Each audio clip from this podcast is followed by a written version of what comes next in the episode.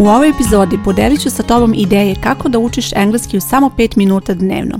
Ako baš moraš, naravno, ali ovo nije za svakoga i nije za svaku priliku, tako da slušaj da naučiš sve o ovom konceptu kao i 10 vežbi koje će ti pomoći da učiš engleski u 5 minuta dnevno. Moje ime je Zorana Radović, ja sam profesor engleskog jezika i osnivač online škole English Lane. Ovo što slušaš je English Lane podcast gdje pričamo o korisnim savjetima i lekcijama za učenje engleskog. Sada slušaš epizodu broj 110 i u ovoj epizodi pričat ću o konceptu učenja engleskog u 5 minuta dnevno. Pre nego što počnemo, imaju u vidu da ovaj koncept učenja u engleskog 5 minuta možda zvuči suviše dobro da bi bilo istinito jer prosto kako je moguće naučiti engleski na taj način, ali imaju u vidu da ovo nije nešto što ćeš koristiti stalno. Ovo je koncept koji ćeš koristiti kada nemaš dovoljno vremena za učenje i kada želiš da nastaviš sa učenjem, ne želiš da odustaneš, ali jednostavno u toj situaciji moraš malo da se prilagodiš i čak i ako imaš 5 minuta vremena za učenje, to je dovoljno da nastaviš i da istraješ u tome jer će ti to omogućiti da dugoročno ostvariš dobre rezultate. Ja ne verujem da možeš naučiti engleski ako učiš samo 5 minuta dnevno i ništa više od toga jer jednostavno postoje lekcije i neke oblasti koje zahtevaju malo više vremena i posvećenosti svoje strane, ali slušaj sada zašto ti uopšte pričam o ovom konceptu i zašto ti savjetujem da probaš ovo, posebno u situacijama kada nemaš vremena. Ti kada kreneš da učiš engleski jezik, ti ćeš steći neku naviku da učiš engleski i onda će se pre ili kasnije pojaviti neke obaveze koje će te u tome sprečiti. E sad, umjesto da napraviš pauzu, umjesto da odustaneš i da kažeš ma ok, neću danas učiti, neću ni sutra učiti, učit ću sljedeće nedelje kad budem imala više vremena, umjesto toga upotrebi ovo, uči engleski 5 minuta dnevno. To je vrijeme koje možeš sigurno naći u toku dana čak i kada si posebno zauzeta i kada imaš suviše drugih obaveza, a na taj način ti ćeš ostati u kontaktu sa engleskim, ćeš tu naviku i nećeš se ni u jednom trenutku udaljiti od engleskog. To je prvi razlog zašto je bitno da probaš ideje koje ću podeliti sa tobom u ovoj epizodi. Drugi razlog možda nije tako očigledan, ali vidjet ćeš da je najteže krenuti i kada ti kreneš, kada provedeš tih 5 minuta učeći engleski jezik, velike su šanse da ćeš nastaviti i dalje. Biće ti zanimljivo, želit ćeš da vidiš koja je sljedeća lekcija, koje je sljedeće vežbanje i vrlo brzo ćeš uvidjeti da je prošlo i mnogo više od tih 5 minuta, a ti i dalje učiš.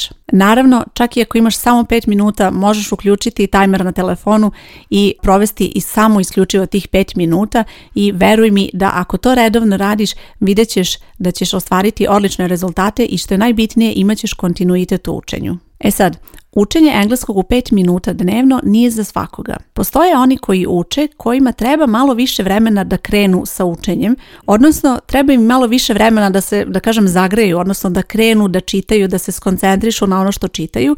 I ako je i tebi tako, ako se ti osjećaš kada učiš tako da jednostavno prvih 5, možda čak i 10 minuta ti ni ne znaš još uvijek šta si pročitala, odnosno nisi dovoljno skoncentrisana, onda ovaj koncept učenja neće biti za tebe. Također, učenje engleskog u 5 minuta je samo za one koji imaju jasno definisano šta uče i znaju tačno koju aktivnost treba da urade u toku tih 5 minuta. Ako ti nemaš definisano šta učiš i tada kada želiš da učiš ti u tom trenutku tražiš lekcije, vežbanja i ostale aktivnosti koje ćeš raditi, onda učenje engleskog u 5 minuta dnevno nije za tebe jer jednostavno ne možeš to da izvedeš u roku od 5 minuta. Tebi će minimum toliko vremena ako ne i više biti potrebno da nađeš šta ćeš da učiš i onda će proći vreme koje si imala za učenje. To znači da bi ovo uspelo moraš da imaš program koji pratiš kome možeš pristupiti u roku od nekoliko sekundi i onda si odmah spremna da kreneš sa učenjem. Ukoliko nemaš takav program, onda je potrebno da uradiš pripremu i da na taj način pripremiš sve aktivnosti koje ćeš raditi i da im možeš lako pristupiti. Još jedna stvar koju želim da pomenem jeste ova.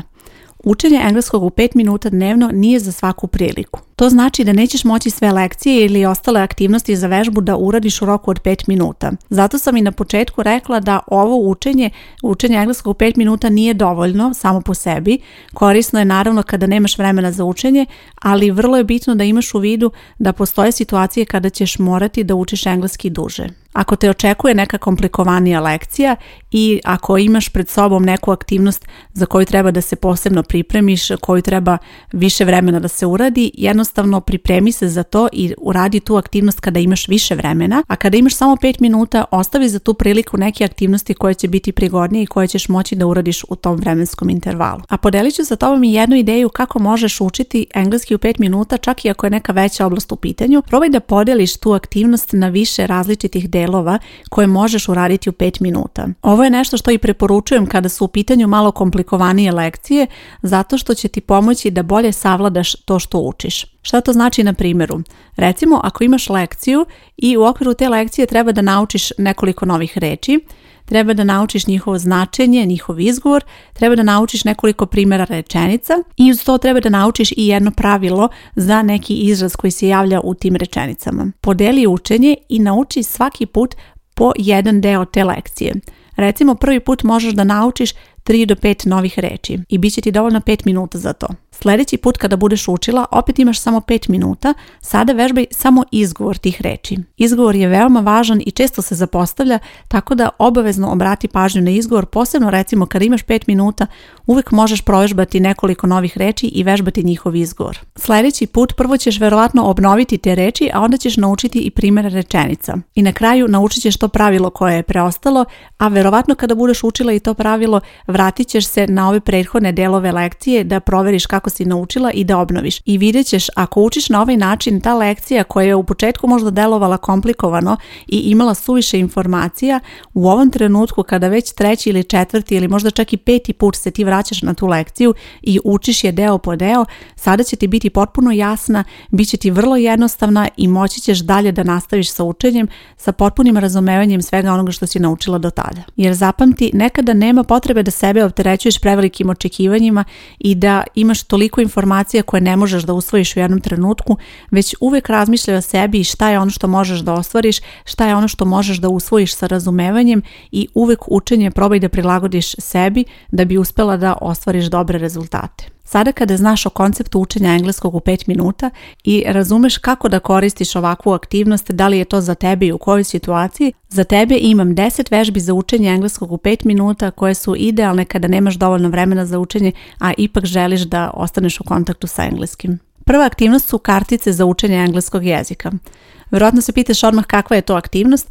To je aktivnost gdje ćeš imati na jednoj strani kartice jedan koncept, nešto napisano, a sa druge strane nešto drugo. Na primjer, na prvoj strani kartice možeš vidjeti napisanu reč na engleskom i tvoj zadatak bit će da prepoznaš značenje te reči i da se setiš kada budeš obnavljala kada budeš učila, kada budeš prvi put vidjela tu karticu, tvoj zadatak bit će da naučiš tu reč. Sa druge strane kartice bit će ili objašnjenje, ili prevod, ili izgovor, nešto što je potrebno da naučiš. Kada prvi put učiš, tvoj zadatak bit će da pročitaš šta piše na poleđini kartice i da to zapamtiš, a kasnije kada obnavljaš ideja je da ti gledaš prvu stranu kartice i da već znaš šta piše na poleđini kartice, zato što si naravno to zapamtila. Na taj način ćeš moći i da učiš kroz kartice i da testiraš sebe kasnije kada želiš da obnavljaš. Kroz kartice možeš učiti razne aktivnosti kao što su recimo gramatička pravila, primjeri rečenica, a najbolje su naravno za učenje novih reči. Kartice možeš dobiti iz knjigu koju koristiš za učenje engleskog jezika, možeš ih napraviti sama koristeći papir i olovku tako što ćeš napisati sve koncepte na karticu, a postoji kartice u digitalnom formatu kao što je to slučaj u mojoj školi, zato što je u pitanju online škola i kartice su onda u digitalnom formatu i to mi omogućava da osim onoga što je napisano na kartici dodam još nešto kao što je recimo izgovor i na taj način možeš da čuješ kako se ta reč izgovara ako učiš nove reči kroz kartice. Prelazimo na sljedeću aktivnost, to je slušanje na engleskom. Slušanje je veoma korisna veština zato što će ti pomoći da čuješ kako se reči izgovaraju, kako se izgovaraju cele rečenice, uopšte kako zvuči neki strani jezik. Možeš dobiti ideju samo ako slušaš taj jezik. Kada je u pitanju slušanje na engleskom jeziku i kako možeš slušati i razviti ovu veštinu, imam posebnu epizodu koju ću ostaviti na ovoj stranici za tebe gdje možeš preslušati. U epizodi koju sam pomenula pronaći ćeš mnogo ideja o tome kako da vežbaš slušanje, ali jedna od njih je svakako da možeš preslušati neku pesmu ili pogledati neki video na YouTube-u i na taj način vežbati engleski i za to će ti biti dovoljno 5 minuta. Treća aktivnost je odgovaranje na pitanja. Ova aktivnost je odlična ako želiš da proveriš sebe i provežbaš sve ono što si naučila do tada, jer će ti to biti potrebno da bi odgovorila na pitanja. Na pitanja možeš odgovarati pismeno ili usmeno, šta god je tebi lakše i naravno zavisi od toga šta želiš da vežbaš. Ako želiš da vežbaš i konverzaciju, odnosno izgovor, ti ćeš onda odgovarati na pitanja usmeno, a ukoliko želiš malo više da se fokusiraš na pisanje, onda ćeš vežbati pisanim putem da odgovaraš na pitanja. Pitanja moraju biti na engleskom i moraš da imaš pripremljena pitanja da bi onda mogla u tih 5 minuta da na njih odgovoriš. Četvrta aktivnost, gramatička vežbanja – Vežbanja su odlična prilika da vežbaš gramatiku i ako imaš samo 5 minuta za učenje, probaj da uradiš nekoliko vežbanja iz gramatike. Idealno bi bilo da su ta vežbanja povezana, odnosno da recimo ako danas vežbaš članove, da onda uradiš jedno, dva ili tri vežbanja o članovima. Ako si polaznica moje škole, u okviru škole imaš pristup dodatnim aktivnostima pored kursa koji pohađaš, a jedna od tih dodatnih aktivnosti su baš gramatička vežbanja i onda ćeš moći da se uloguješ tako da i ako imaš 5 minuta dnevno i nećeš moći da uradiš ništa novo na kursu, onda se uloguj i uradi neko od gramatičkih vežbanja da provežbaš sve ono što si učila do sada. Prelazimo na sljedeću aktivnost, a to je pisanje na engleskom. Znam da mnogi ne vole ovu aktivnost, jednostavno zahtjeva previše truda, a i prosto nekada ljudi ne vide dovoljno koristi koje mogu imati od ove aktivnosti, a veruj mi da je izuzetno korisna. Čak i ako si početnik, veruj mi da možeš da napišeš bar nekoliko rečenica na engleskom i to i jeste poenta – Nemoj se opterećivati, ti ne treba da napišeš nikakav esej, ne treba da imaš razradu, zaključak i ostale one paragrafe, ništa od toga nije bitno, bitno je samo da pišeš na engleskom i da to naravno bude tačno. Svakoga dana ako imaš samo 5 minuta možeš napisati nešto na engleskom bez obzira da li će to biti kako si provela dan, koga si videla, šta si radila tog dana i tako dalje. To su sve neke ideje šta možeš pisati na engleskom, a ostavit ću na ovoj stranici gdje slušaš podcast i jedan link gdje možeš pronaći Znači ideje za zadatak pisanja na engleskom, tako da možeš da se inspirišeš šta bi mogla da pišeš u tih 5 minuta kada imaš malo vremena za učenje. Sada dolazimo do sljedeće aktivnosti, a to je čitanje na engleskom. I ovo je isto odlična aktivnost ako imaš samo 5 minuta, nabavi neku knjigu ili časopis na engleskom ili ako nemaš ništa od toga, jednostavno pronađi neki blog na telefonu i iskoristi tih 5 minuta da pročitaš nešto novo. Ne samo da je ovo odlična prilika za vežbu engleskog, već je i dobra prilika za tebe da saznaš nešto o temi koja te dodatno interesuje. Idemo dalje, sljedeća aktivnost i moram da priznam kada sam počela da učim engleski jezik, ja nisam voljela ovu aktivnost i mislila sam da je to nešto što je najteže, ali nije, vidjet ćeš da nije, a to je aktivnost prepričavanja. Sećam se da sam bila peti razred jer smo imali zadatak da prepričamo šta vidimo na slici i naravno tu se očekivalo da koristimo ono što znamo do tada, ono ono što smo naučili, ali iz nekog razloga meni je ta aktivnost uvijek delovala strašno, pre svega zato što treba da smisliš sama nešto na engleskom i to je nešto što svima bude problem, ali imaju u vidu da te ova aktivnost odlično priprema za konverzaciju. Naravno, prednost je što je radiš samostalno, što možeš da uradiš ovo, a da te niko ne čuje, čak i ako nešto pogrešiš neće biti važno, ali će ti pomoći da stekneš sigurnost i samopouzdanje da kada budeš u situaciji da pričaš na engleskom, da ćeš to moći da uradiš kako možeš ti da prepričavaš, odnosno kako da iskoristiš svojih 5 minuta da uradiš ovu aktivnost, možeš isto kao eto ja u toj situaciji imaš neku sliku i onda treba da prepričaš šta vidiš na toj slici. Druga ideja za prepričavanje je da prepričaš nešto što si pročitala nedavno ili nešto što ti je koleginica ispričala ili recimo sadržaj serije koju si nedavno gledala.